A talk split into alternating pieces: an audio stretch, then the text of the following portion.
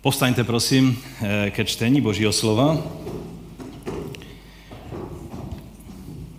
Budu číst eh, z Janova Evangelia z 15. kapitoly 7. a 8. verš. Zůstanete-li ve mně a zůstanou-li mé výroky ve vás, požádejte, oč chcete a stane se vám. Tím bude oslaven můj otec, když ponesete hojné ovoce a stanete se mými učedníky. Otče, my tě prosíme, aby si proměnil toto slovo ve tvé živé slovo v nás, které nás sformuje podle tvé vůle.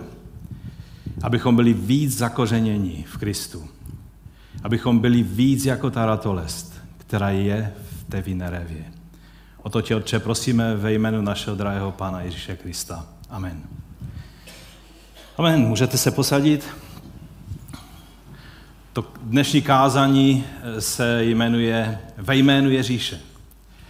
A když jsme o letnicích mluvili o onom, věřím, životně důležitém tématu zůstávání v Mesiáši, jako ratolest zůstává ve vinném kmeni, tak jsme mluvili o tom, co znamená vlastně, co to znamená prakticky v něm zůstávat.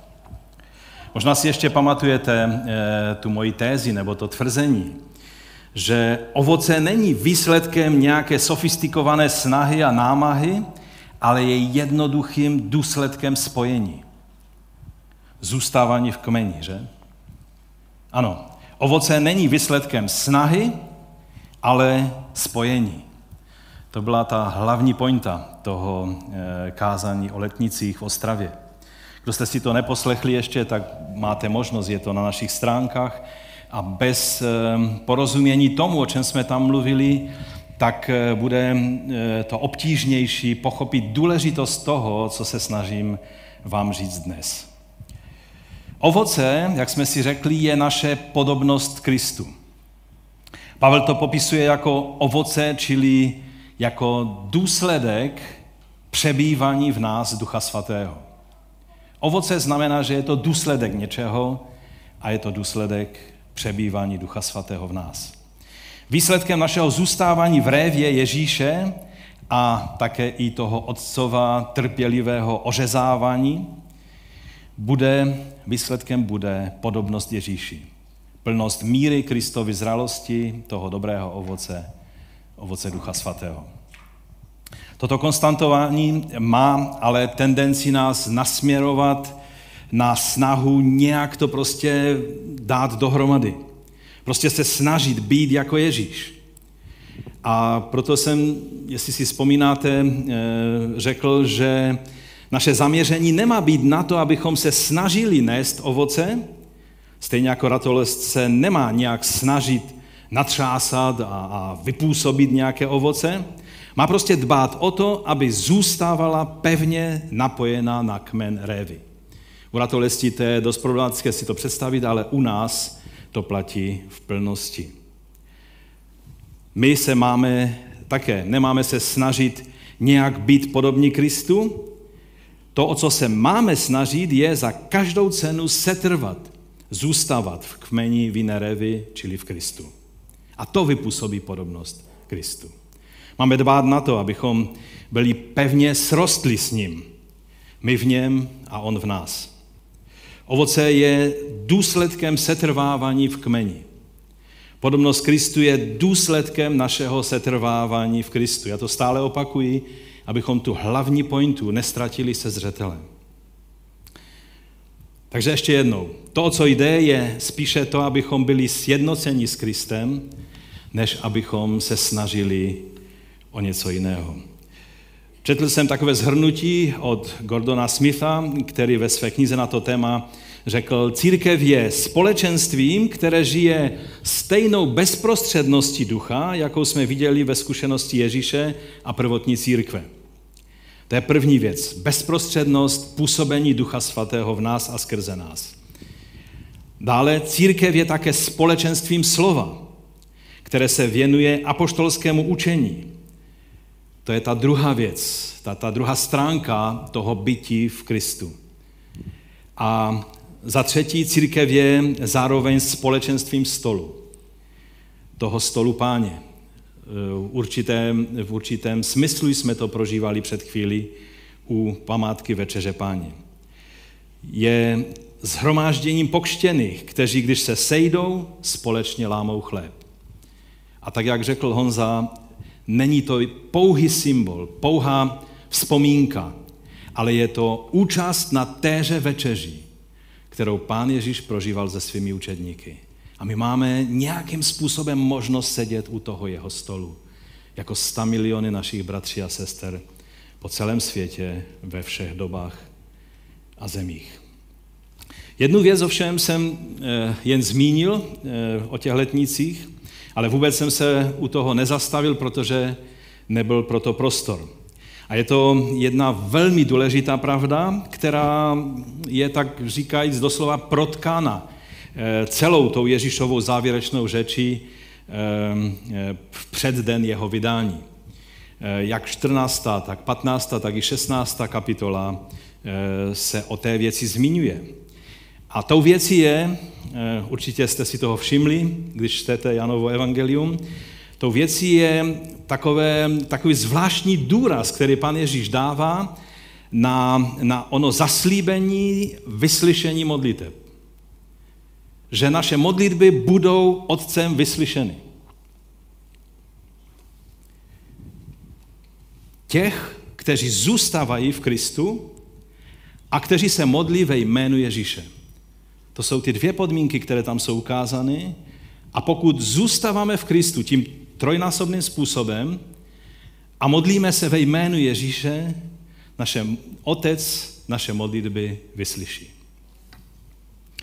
Otázka modlitby je téma, já nerad kážu o modlitbě, protože vždycky si říkám, je lépe se modlit, než kázat o modlitbě, ale někdy se tomu nejde vyhnout a věřím, že dnes je to důležité, abych, eh, abych se toho tématu dotknul. Eh, píšou se sáhodlouhé knihy na to téma, organizují se konference, povstávají hnutí, vymyšlejí se různé důmyslné způsoby, jak udělat modlitbu přitažlivou, aby se ti křesťané nějakým způsobem do toho zapojili. Když jsem byl teď v úterý a seděli jsme tady v kruhu, protože nás bylo na modlitevním zhromaždění mnohem méně, než nás je teď tady, tak jsem dost o tom přemýšlel. Modlitba je přece úplně neoddělitelná součást života věřícího člověka.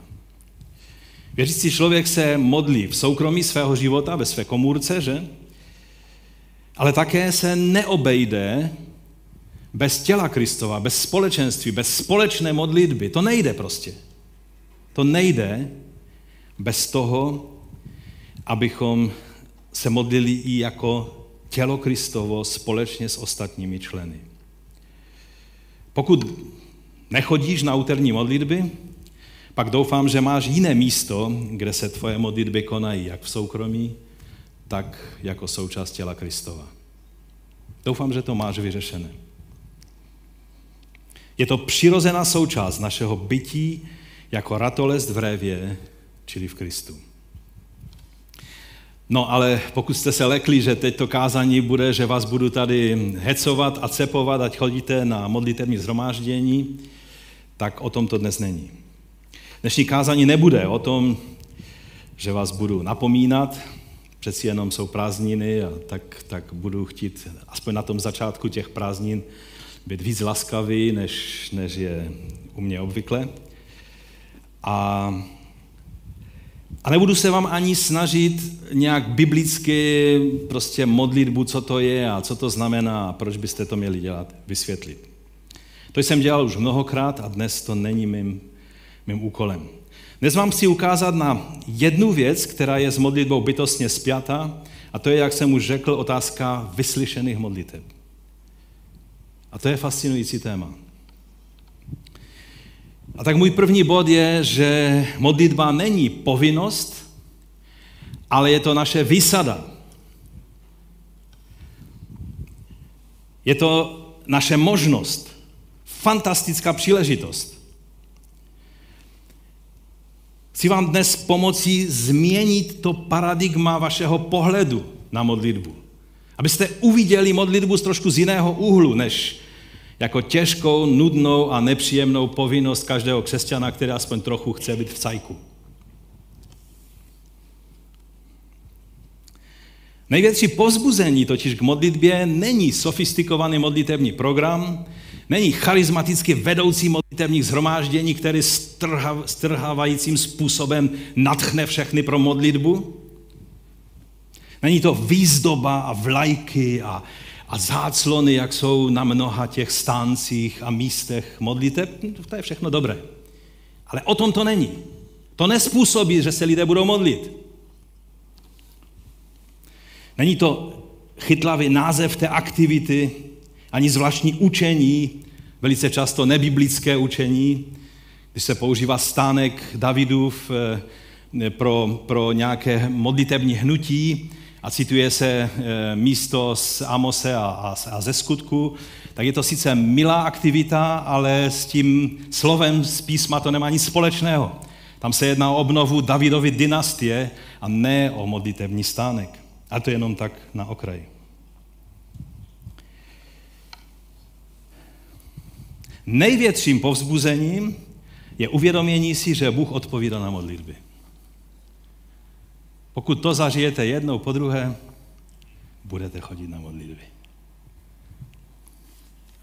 Místo vymyšlení nějakých sofistikovaných modlitevních řetězů a způsobů, dejme prostor občas několika svědectvím o tom, jak Bůh odpověděl na modlitbu a a lidé začnou mít zájem.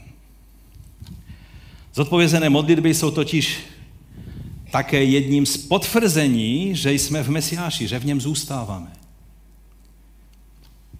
Když zůstáváme v kmeni vinné revy, kterým je Ježíš, jsme ořezávaní tím vinařem, což je nebeský Otec. Výsledkem je to, že neseme ovoce, to znamená, že jsme podobní Kristu a pak se modlíme v souladu s Kristem a výsledkem je, že naše modlitby budou zodpovězeny. Ježíš v té 15. kapitole, eh, po tom verši, co jsme už četli, 7-8, tak pokračuje v 16. verši takto. Ne vy jste si vybrali mě, ale já jsem si vybral vás. Eh, to mluví hlavně k apoštolům, ale má to i obecnější rovinu. Ustanovil jsem vás, abyste vyšli a nesli ovoce a vaše ovoce, aby zůstávalo. Aby naše podobnost Kristu nebyla jen chvílkovým zábleskem toho, že se najednou nějak v nás nadpřirozeně zjeví Kristus, ale aby to byla součást toho, co z nás vyzařuje na každý den. A on pokračuje, pan Ježíš pokračuje, aby vám otec dal, oč byste ho požádali v mé jménu. Aby vám otec dal.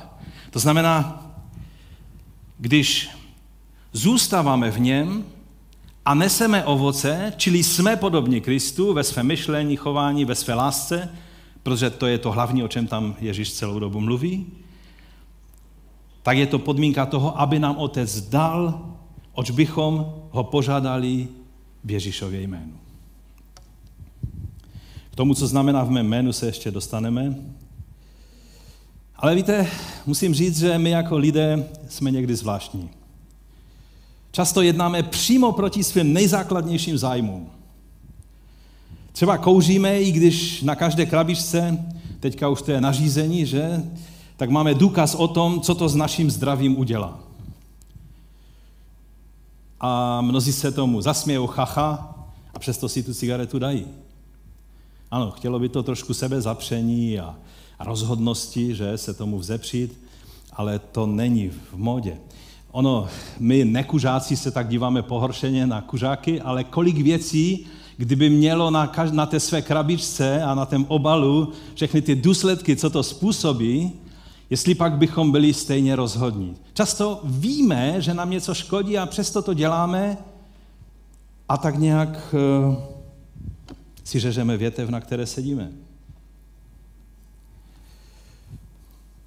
Kniha o modlitbě, která mě asi nejvíc oslovila, je Deepening Your Conversation with God, prohloubení tvé konverzace s Bohem od Bena Pattersona. A v předmluvě té knihy tam Daniel Taylor říká toto. Není snad většího důkazu, že lidé často jednají v přímém rozporu se svými vlastními zájmy, než skutečnost, že tak málo času věnujeme rozhovoru s tím, kdo nás stvořil a miluje? Překvapivě vysoké procento Američanů, to hlavně píše Američanům, tvrdí, že věří v Boha, ale většina z nich si nenajde čas ani chuť na to, aby mu zamumlala něco víc než jen občasnou prozbu o malou laskavost. Máme kontakt se stvořitelem, hybatelem celého vesmíru a my chceme po něm jenom takové ty, pane dej, abych udělal tu zkoušku, pane dej, aby mi zvedli plat v práci, pane dej, aby dneska šéf po mně nekřičel, možná, když máte cholerika šéfa. To jsou dobré věci, ale, ale, ale máme dočinění se stvořitelem. Neměli bychom po něm žádat trochu jiné věci a trochu víc. A trochu víc těch, na kterých jemu záleží. Někteří křesťané, jak to někdo přirovnal, používají nebo mají přístup k Bohu jako eh, jaké musí rezervnímu kolu, rezervě v autě. Nevím, kolikrát týdně myslíte a kontrolujete a díváte se na rezervu, jestli je v pořádku a, a, a kontrolujete eh, tlak vzduchu v rezervě. Je tu někdo takový, který má takovou zálibu, že to dělá třeba jednou týdně nebo každý den? Asi ne, že? Na rezervu si vzpomeneme, celé měsíce na ní nemyslíme a, a někdo, kdo jenom řídí auto, tak, tak ani neví pořádně, kde ji má, anebo jestli ji vůbec má, protože dneska jsou auta i bez rezervy, že? A, a pak najednou na silnici dostaneme defekt a pak chceme, aby rezerva byla úplně v perfektním stavu, připravena k použití, abychom ani nemuseli dofoukat vzduch, protože nemáme čím. Stejně tak mnozí zapomínají na Boha během všech dob, kdy se jim daří a pak v případě nouze chtějí, aby Bůh byl hned po ruce, okamžitě připraven vyslyšet a odpovědět na jejich volání v nouzi. Díky Bohu, že Bůh je laskavý a často nás v takových těch střelných modlitbách, eh, jak tomu od nepaměti křesťané říkají, že nás vyslyší. Ale to není správný přístup k Bohu, Doufám, že mi dáte za pravdu. Někdy, když žijeme takto odtržený život od Boha a pak, pak v nějaké svízelné situaci si myslíme, že něco by bylo řešením a začneme to upěnlivě, o to upěnlivě prosit Boha, on ve své moudrosti nám to nedá. A my mu pak časem za tu jeho moudrost i poděkujeme. Protože pak uvidíme souvislosti a zhrozíme se, co jsme to vlastně chtěli. Mně se to stalo párkrát v životě. Mám takovou malou Bibli, nový zákon, takový tenoučky, aby se mi vlezl do vojenské na prsní kapsy, protože jsme měli zakázané mít cokoliv jiného než vojenskou knížku. Já jsem chtěl, aby se mi tam vešla ještě Bible, tak jsem našel takovou tu nejtenčí, která byla k dispozici. A když jsem se do ní díval, tak, tak většina, já jsem si tam psal modlitby a vždycky vykřičník, když jsem tu modlitbu opakoval a hvězdičku, když byla vyslyšena. A naprosto většina těch věcí jsem s natřením zjistil, že má hvězdičku, že Bůh mi na, na ty modlitby odpověděl. Ale jedna modlitba, která byla na začátku a na konci a dokonce se napsal dopis Bohu v té věci, bylo, že jsem ho prosil, aby mě pustil z vojny dřív, než, bylo, než až za dva roky. Já jsem se totiž těsně před vojnou oženil a jestli znáte Felici, tak asi vám bude jasné, že, že mi bylo dost těžko bez ní tam. A a prostě jsem si říkal, to není možné, to není boží vůle, teď přece je v Biblii napsáno, že oni mi totiž řekli, že mě nevemou na vojnu a pak mě odvelili, jo? čili to byl takový vtip, který mi tehdy udělali a a ta modlitba byla na začátku i na konci a, a dokonce jsem pak podepsal smlouvu s dolem Hlubina, že půjdu na pomalu dva roky pracovat v dole, abych o šest měsíců šel dříve z vojny. A už jsem měl podepsanou smlouvu, všechno bylo připraveno, za týden jsem měl jít do civilu tak jsem nějak takového toho Išmaele chtěl vytvořit, že přece jenom ta modlitba bude naplněna. A najednou si mě předvolal velitel útvaru a tak jsem se zahlásil všechno, že? A on řekl, bojově politická situace republiky si žádá zrušení vaší smlouvy s hlubinou a zůstáváte u útvaru. A v té chvíli se mi zhroutil svět. A tak jsem šel zpátky na útvar a, a nevěděl jsem, co mám dělat. Všichni už čekali, že odcházím. Já jsem řekl, nikde neodcházím, zůstávám. tak jsem šel do posilovny, já jsem tehdy posiloval, tak jsem vybil veškerou frustraci do těch činek a toho všeho, jak jsem šel malém po čtyřech, co jsem už nemohl jít. A byl jsem asi dva metry od postele, tak začala, začala houkat siréna a byl poplach a my jsme tři dny nespali, nejedli, vytahovali tanky z eh, hlubokého uložení a byla, byla cvičná mobilizace. To byla příprava na Polsko. Ale abych nezacházel do detailu, tak eh, někdy, pak jsem zpětně teprve pochopil, že to bylo mnohem lepší, co Bůh vymyslel, než moje nějaké plány a snahy eh, Boha k tomu donutit. Ale to je jenom, abychom i tuto stránku si uvědomili. Bernard Shaw napsal, že v životě existují dvě tragédie. Jedna je nedosáhnout toho, po čem naše srdce touží, a druhá je toho dosáhnout. Samozřejmě to je přehnané, že? Ale díky Bohu, že někdy nevyslyší naše modlitby, které jsou často odtržené od toho, co je pro nás skutečně dobré. On je dobrý otec. Dobrý otec nedá místo ryby hada. Ale když to dítě bude chtít hada, tak mu ho nedá, protože on je dobrý otec. Ale dnes mluvíme o jiné rovině pochopení modlitby. O pochopení modlitby, která vychází z toho, že jsme v Kristu, On v nás, jsme v souladu s ním a proto Otec rád vyplní to, o co ho žádáme. Tu svou předmluvu Taylor v té knize eh, Pattersona končí takto. Abychom se naučili milovat modlitbu a nikoli pouze milovat myšlenku, koncept modlitby, musíme při modlitbě začít, zažít pocit, že jsme v samotném středu reality. To je v rozporu s běžnými představami, například, že modlitba je únikem z reálného světa, nebo že modlitba je jakýsi luxus, který si snad jednou budeme moci dovolit, třeba v duchodu, že? Nebo že někteří lidé, modlitební bojovníci, to je takový ten speciální druh křesťanů, mají dar modlitby, který většině z nás chybí. A opravdová modlitba ale není zvláštním darem. Dokonce ani primárně není povinností, je praktickou výsadou, privilegiem. Protože je pozváním k rozhovoru se stvořitelem vesmíru, praktickou, protože nic není užitečnějšího, než dát našemu každodennímu životu váhu a směr. Amen. Víte, samotné pomyšlení na to, představte si to teď se mnou, že jsme vedení, pomyšlení na to, že jsme vedení k tomu, abychom vyzývali věčného, všemohoucího Boha, stvořitele nebe a země, k tomu, aby něco udělal, to je zvláštní představa, že? Prostě my, já, malý Jarda tady na zemi, vyzývám velkého Boha stvořitele, aby něco udělal. Protože ho žádám já. Nebo my. To je prostě neuvěřitelná věc. Je to fantastická představa. Ale přesně o tom Ježíš mluví. Bůh, ten stvořitel, všemohoucí, jednou zastavil na Jozuovo slovo, že slunce se zastavilo a nepokračovalo směrem k západu. Po celý den. To je v desáté kapitole Jozuovy knihy. Co se tehdy se zemí muselo stát, to nevíme.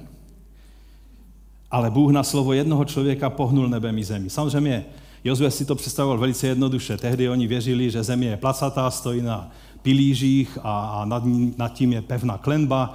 Po té klenbě tam pochodují ty nebeská tělesa, které jsou vlastně živa. A, a Bůh prostě přišel k tomu velkému světlu, položil na něho ruku, zastavil, drželi tam, jak dlouho chtěl. Samozřejmě takhle si to oni představovali. Mnohem jednodušeji, než to ve skutečnosti je. Ale Bůh prostě něco udělal se zemí, možná s celou naší sluneční soustavou, já nevím s čím vším, možná s celým vesmírem. Jenom proto, že Jozue řekl, pane, potřebuji víc světla. Rozumíte? Takového Boha máme na modlitebním zhromáždění. Jedno ještě to bylo za komunistů, když už teda jsem se dal do vzpomínání, tak jsem dostal eh, na naší rodinné rekreaci takzvané, jsme měli hosta z Finska, Arta Hemelinena, a on mi oficiálně předal pozvání na, na kongres vedoucích mládeže, na, na konferenci mládeže a eh, v Helsinkách. A já jsem se eh, tehdy tomu zasmal. V tom okamžiku jsem si vzpomněl na Sáru, která se zasmála. Ale to jsem v sobě potlačil. A, a řekl jsem, Arto, ty nechápeš, já, já nemůžu nikam cestovat. Nemám ani pas, ani není cesta. Že bych mohl cestovat a před nedávnem mi zavřeli tátu a hrozili, že zavřou i mě. Není šance, abych cestoval. Arto se tak na mě podíval a řekl, my se budeme modlit. No a modlili se asi. A to bylo v létě a v desátém měsíci komunistická vláda změnila zákony, že bylo možné vycestovat, to byla složitá cesta, tu nebudu vysvětlovat, protože to bylo hodně složité, bez, eh, bez, bez devizového příslibu, jestli vám to něco říká. A když ne, tak zapomeňte na to. A já jsem v lednu, to byl desátý měsíc, a já jsem v lednu eh, byl na té konferenci a pak jsem týden jezdil po zborech a kázal ve Finsku. Prostě možná to nebylo, že Bůh pohnul vesmírem v té chvíli, ale minimálně tou prolezlou komunistickou vládou, že udělala prostě rozhodnutí, které mi to umožnilo.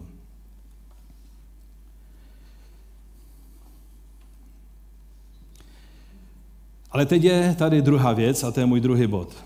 I kdyby fikovník nerozkvetl, co, budu, co budeme dělat? Budu pána chválit. Naše zkušenost s modlitbou, jak mi jistě dáte zapravdu, není tak jednoduchá, jak by se zdálo z toho, co jsem doposud řekl. A k čemu nás můžou pobízet některé žalmy i mnoha slova samotného Pána Ježíše. Třeba žalm 34, od 15. verše. Hospodinovi oči hledí na spravedlivé, jeho uši slyší jejich volání o pomoc. Hospodinová tvář je proti těm, kdo pachají zlo, aby vyhladil ze země jejich památku, když úpěnlivě volají ti, ti, ti ostatní. Hospodin je vyslýchá, vysvobozuje je ze všech jejich soužení. Hospodin je blízko těm, kdo jsou skroušeni v srdci a zachraňuje ty, kdo mají zdeptaného ducha. To je jedno zaslíbení za druhým. Matouš 7, 7 až 8, Ježíšova slova. Žádejte a bude vám dáno. Hledejte a naleznete. Tlučte a bude vám otevřeno. Neboť každý, kdo žádá, dostává, kdo hledá, nalézá a tomu, kdo tluče, bude otevřeno. Pan Ježíš, ten věděl, o čem mluví. Někdy je v, sice v písmu jasný náznak podmínky, za jaké Bůh vyslyší modlitby. I, I tam, v tom kontextu toho, co jsem teď četl, tak byste našli ty určité podmínky. Ale třeba 37.4, žalm. Měj rozkoš z hospodina, to je trochu řeč o tom bytí v Kristu a Kristus v nás, že? Měj rozkoš z hospodina a on naplní prozby tvého srdce. Nebo prorok Jeremiáš, který bojoval s Bohem. V jedné chvíli mu vyčítá, že ho nasilím, že mu ublížil. Ale pak také říká takovéto zaslíbení. Když mě budete volat, mluví božím jménem, půjdete a budete se ke mně modlit, vyslyším vás. Když mě budete hledat, naleznete mě. A pokud mě, bude, pokud mě budete hledat celým svým srdcem. Tady je ta podmínka, celé srdce. Srdce v tehdejším myšlení v hebrejština nemá, pokud mi je známo slovo pro svědomí, takže srdce tehdy znamenalo e, mozek, znamenalo city, vůli, svědomí, všechny ty věci, které vlastně, jak, jak naše bytost existuje. A, a to znamená, tou celou bytostí, svým myšlením, rozhodnutím, city, vším e, ho budeme hledat, tak on slíbí, že odpoví na modlitby. Petr ve svém prvním listu Petrově v 3. kapitole 12. verši říká, neboť pánovi oči jsou obráceny na spravedlivé a jeho uši k jejich prozbě, ale pánova tvář proti těm, kdo činí zlo. Navazuje na starý zákon, to je řečeno takto mnohokrát ve starém zákoně. Ale ten citát, ten poslední, je z nového zákona, Jenom abyste si uvědomili, je to nový zákon, eh, neplatilo to jenom ve starém zákoně tyhle věci, ale eh, máme být spravedliví. Kdo je spravedlivý? Často říkáme, naše spravedlnost je Ježíš. Ano, ale spravedlnost v tom, v tom striktním eh, pohledu písma, jak starého, tak nového zákona, znamená, že spravedlivý je ten, kdo činí spravedlnost. My činíme Kristovu spravedlnost, jeho zmocnění. Ale neznamená to tak, že si mohu dělat, co chci, protože za mě je spravedlivý Ježíš. On vytrpěl kříž, abych já nemusel vytrpět kříž. Takhle ty věci nefungují. Ale to je na jiné téma, na jiný den. Často máme pocit, že nás Bůh neslyší. I když jsme přesvědčeni, že se nám jedná o dobré věci, o boží vůli. Že? Nejsme v tom sami. I proroci starého Izraele měli často ten stejný pocit. Nejradikálnější je Jeremiáš v těch věcech, ale do toho se nebudu pouštět. Ale dejme si jeden příklad eh, takového dobře známého proroka Abakuka, který tu svoji prorockou knihu, celkem krátkou, začíná takovýmto způsobem. Prorocký výnos, který viděl prorok Abakuk. A teď začíná. Jak dlouho mám, hospodine, křičet o pomoc? A ty neslyšíš. Volat k tobě násilí a ty nepomůžeš. Proč mi ukazuješ zlo a hledíš na trápení? Skáza a násilí je přede mnou. Trvá spor a pozvedá se svár. Proto je zákon ochromen a právo nikdy nepronikne, protože ničema obkličuje spravedlivého, proto pronikne právo pokřivené. To je slovo proroka Abakuka, který znal hospodina. A já ho úplně chápu, jak se cítil. Severní Izrael už byl dávno v asyrském zajetí, nyní se schylovalo k tomu, že přijdou babyloniané a udělají to tež s judským královstvím. Abakuk se cítil velmi přemožen těmi událostmi a modlil se těmi slovy, které jsme četli. Dnes se takovými slovy modlíme, když vidíme Rusko devastovat Ukrajinu. A, a ta slova nám pomáhají to říct ještě, ještě údernějším způsobem, než bychom to řekli svými slovy. Mnohé žalmy nám k tomu mohou sloužit. Abakuk ale pak prorokoval i naději, která sáhá až do našich dnů, to je 2. kapitola 12. Běda tomu, kdo staví město proléváním krve a upevňuje ho zvrácenosti. Běda Putinovi, který staví město proléváním krve a upevňuje ho zvrácenosti. Rozumíte? To slovo přímo se dá aplikovat na to. Hle, což to není od hospodina zástupu, národy se namáhají pro oheň a lidé se zbytečně unavují, neboť země bude naplněna neboť země bude naplněná poznáním hospodinovy slávy, tak jak voda pokrývá moře. To je jedno z nej, nej, nej, nejfantastičtějších zaslíbení, které v písmu je. Ta doba je před námi.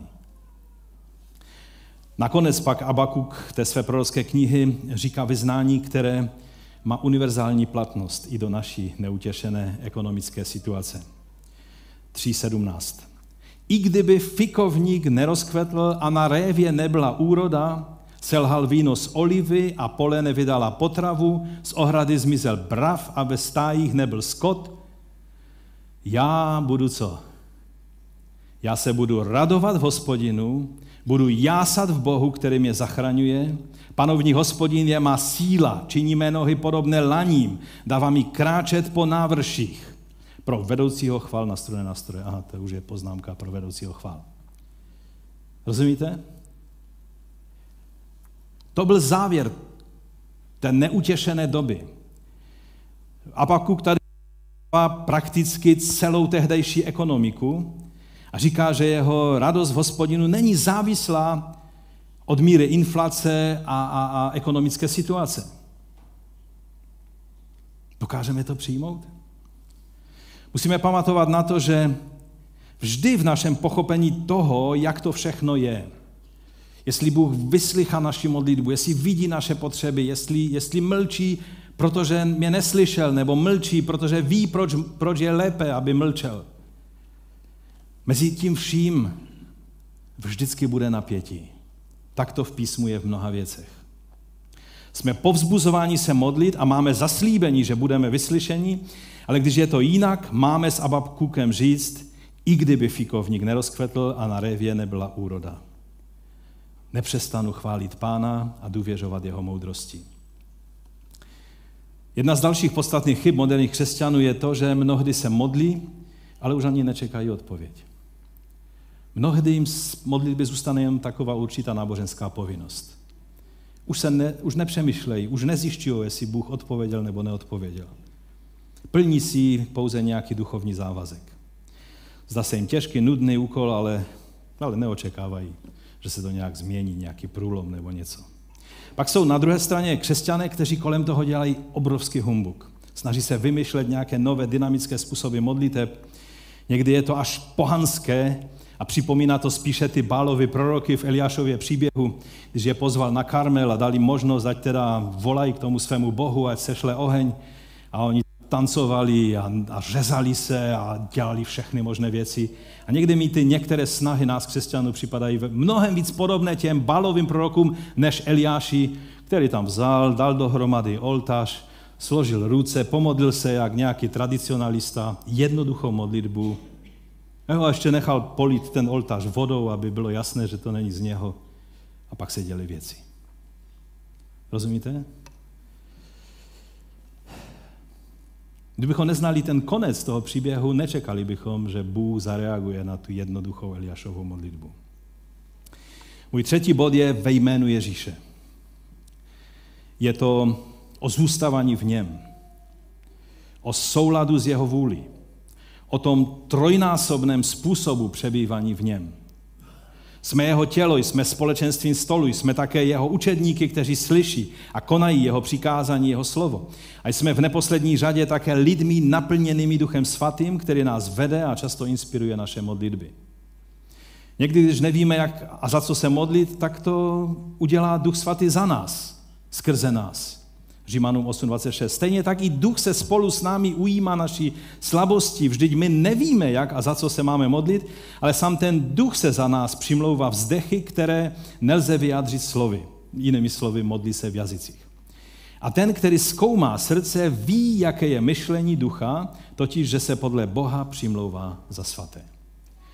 Pro ty, kdo zůstávají v tom vinném kmeni Mesiáše tím trojnásobným způsobem, a ještě se k tomu eh, podrobněji vrátíme někdy příště, tak platí, že jejich modlitby jsou vyslyšené, pokud se modlí ve jménu Ježíše. I ta další slova z Ježíšovy rozmluvy na to eh, poukazují. To je 14. kapitola 12.14. Amen, amen, pravím vám, kdo věří ve mně, i on bude činit skutky, které činím já a bude činit ještě větší skutky než tyto, nebo já jdu k otci. A oč byste požádali v mém jménu, to učiním, aby byl otec oslaven v synu. Požadateli mě o něco, v mém jménu já to učiním. A 16. kapitola 24. Až dosud jste o nic nepožádali v mém jménu. Žádejte a dostanete, aby vaše radost byla úplná. Co tedy znamená ve jménu Ježíše? Co to určitě neznamená, to je ono téměř magické opakování jména Ježíš, Ježíš, Ježíš, ve jménu Ježíše. Mnozí křesťané si myslí, že když to řeknou vícekrát, tak to má větší sílu. Jako by to byla nějaká magická formule. To je pohanství. To známe důvěrně z určitých kruhů křesťanů. Modlitba ve jménu Ježíše znamená spíše, že se modlíme na jeho místě, jako by se modlil sám Ježíš. Rozumíte? Jako bychom přišli k otci a řekli, já tady jsem jménem Ježíše.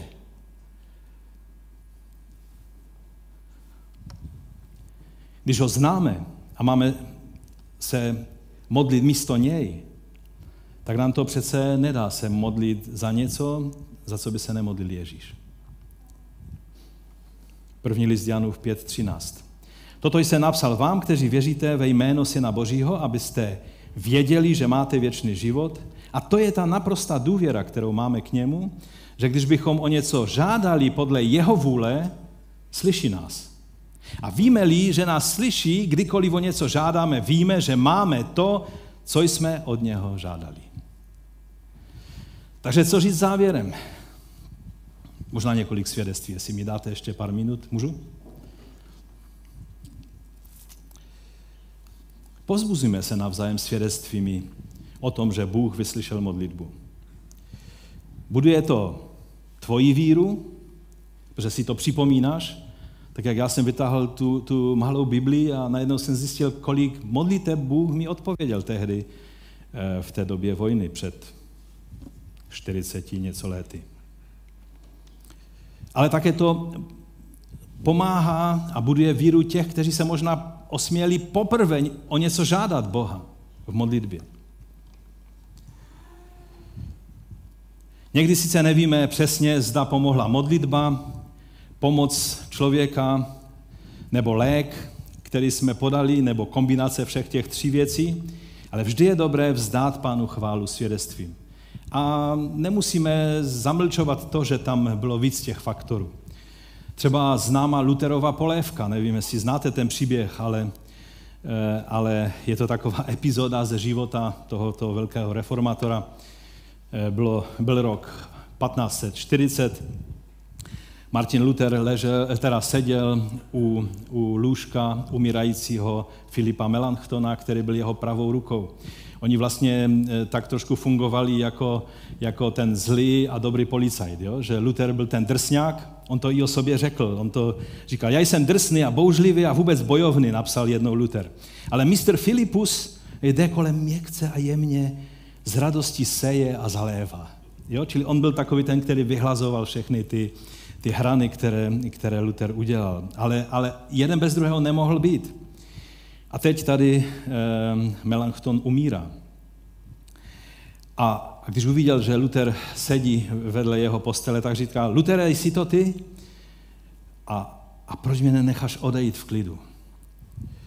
Protože tě zatím nemůžeme postrádat, Filipe, odpověděl Luther. Ještě tě nemůžeme postrádat. Téměř hodinu Luther klečel eh, u jeho postele a modlil se a Melanchthon upadl do, do bezvědomí a pak se probral zase za chvíli z bezvědomí a vidí, že Luther stále ještě je vedle něho, tak, eh, tak říká, znovu to samo opakuje, proč mě nenecháš zemřít? Ale Luther se dále modlil a objednal eh, tomu umírajícímu polévku. Recept na tu polévku není, se nedochoval. Ehm, když Melanchthon tu polévku odmítl, protože on řekl, nechci už polévku, už, už mě nech odejít. Proč mě nenecháš odejít e, domů do odpočinutí? Luther mu znovu řekl, ne, protože tě ještě nemůžeme postrádat, Filipe. Teď si vezmeš tu polévku nebo jinak, teď hledal nějakou páku, jak můžete mít páku na umírajícího člověka, nebo jinak tě exkomunikují. A Melanchthon se málem začal smát a, a přijal tu polévku.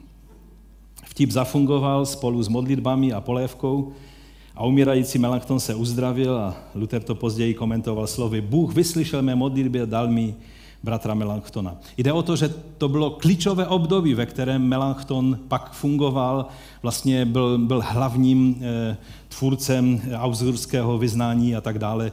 Čili bylo velice důležité a Luther měl pravdu, že ho ještě propustit jen tak na věčné odpočinutí nebylo dobré.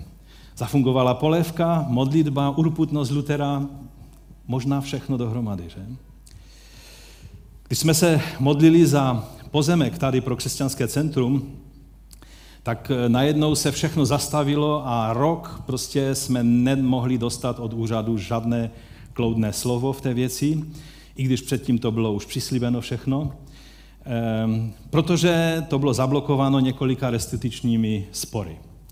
Tehdy jsme mývali ranní modlitby, myslím, že v pět hodin jsme se scházeli na modlitby a jedno to ráno byl tady ještě Bill Tidings s rodinou jako misionář. Jednou mi zavolal nebo řekl, eh, proč, proč to necháte tak ležet, proč, proč s tím nic neděláte? I když Bůh za ten rok vyřešil mnohé problémy ve sboru, to je na jiné povídání, a tak řekl, pojďme udělat jerišský pochod kolem toho pozemku. A tak jsme v pět hodin ráno, ještě bylo tma, eh, myslím, že tu byl Stašek, byl tu, že? Kde je Stašek? Byl tu, že? Tehdy u toho. A, a, a tak jsme chodili a padali do těch všech dír tady a kolem toho, abychom to sedmkrát obešli. A modlili jsme se, protože američané jsou takový akční, že oni věří, že jerišský pochod má, má tu sílu, že? No a tak jsme šli zpátky a a do týdne ta paní z úřad, okresního úřadu, který zastupoval vlastníka toho pozemku, to znamená stát, mi zavolala, že pozemek je volný a můžeme, si, můžeme ho koupit. Ale jeden detail, že je jednou tak drahý, než byl před rokem. A tehdy Bůh eh, ke mně promluvil, nezaplatíte tu vyšší cenu, zaplatíte tu původní cenu. A tak jsme se modlili a Bůh nám dal eh, několik kroků, které máme udělat. My jsme udělali, abych to zkrátil. A výsledek byl, že jsme zaplatili ještě menší cenu, než ta, která byla před rokem. Co zafungovalo? Stalo by se to i bez té jerišské modlitby? Možná, že jo.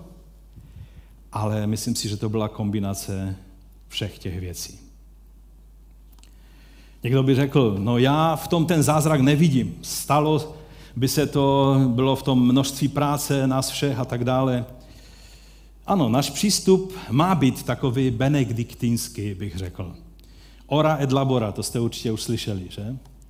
Modli se a pracuj v tom pořadí. Modli se a pracuj.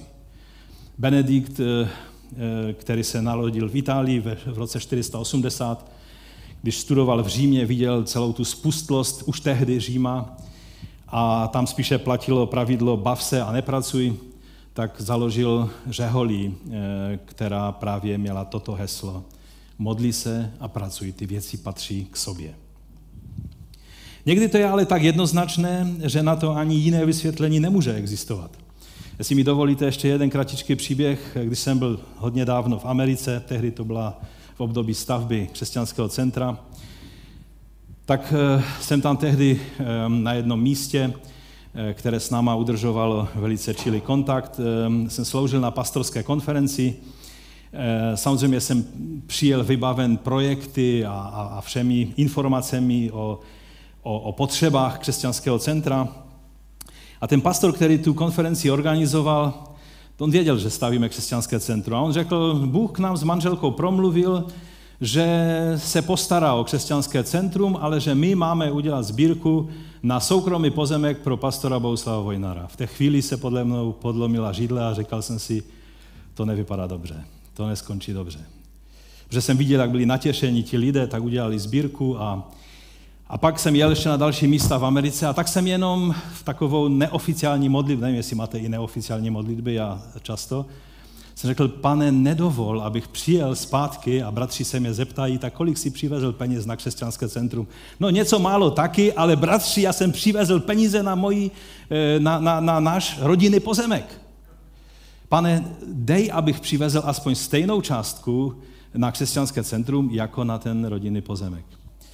A tak jsem ještě sloužil na několika místech a měl jsem tak asi čtvrtinu eh, té částky na křesťanské centrum oproti té, té částce eh, na soukromý pozemek. A byla poslední místo, to bylo v Washingtonu DC. Jsem sloužil večer, byla tam nějaká sbírka, která tu, tu částku zvedla na tu čtvrtinu asi. No a ráno mě odvážel pastor na letiště, už jsme byli na vypadovce směrem na letiště. Co se asi ještě může stát, když už jedete na letiště? Může se ještě něco stát? Už moc ne, že? Najednou zazvonila vysílačka, protože to ještě nebyly mobily takové, jak dneska, tomu pastorovi a on začal být úplně natřený a začal jásat a říká, teď mi volal pokladník, že, že nějaký biznismen přišel do kanceláře sboru a dal nějakou obrovskou částku na jejich školu a nějaké, oni tam měli centrum pro, pro starší lidi a tak dále, obrovskou částku. A tak se na mě podíval a říká, já jsem požehnan, ty musíš být požehnan taky. Dej mi ten tvůj šek. Roztrhal ten šek, který mi dal, otočil to, vyjel z té, z té vypadovky, jeli jsme zpátky do, do kanceláře, to ještě nebylo daleko, a přikázal účetní napsat šek, který dorovnal přesně tu částku, která, eh, za kterou jsem se modlil.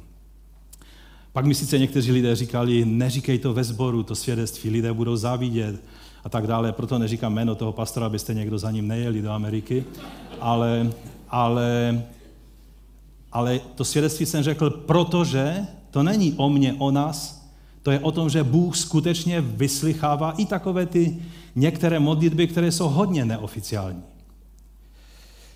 A tak eh, ještě jsem vám chtěl říct jeden příběh o tom, jak Bůh nechal barel s eh, leteckým benzínem připlout 600 mil ostrůvku, kde byli obtočeni eh, američané s letadlem nepřáteli a, a, a celou dobu je ten jejich eh, kaplan vyučoval o tom, že, že Bůh vyslychá modlitby, ať se modlili, oni se modlili.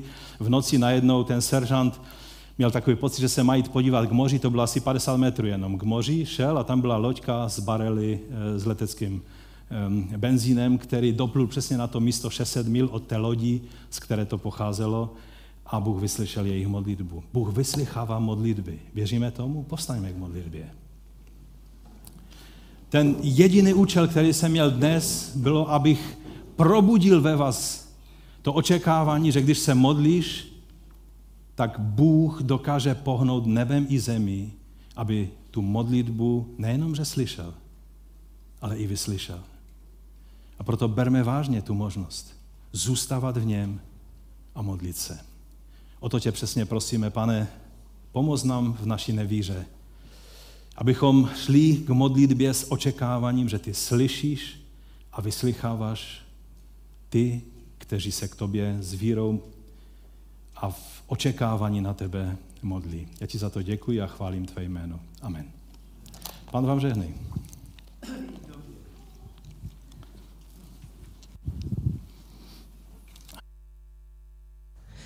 Tak já děkuji pastorovi za slovo.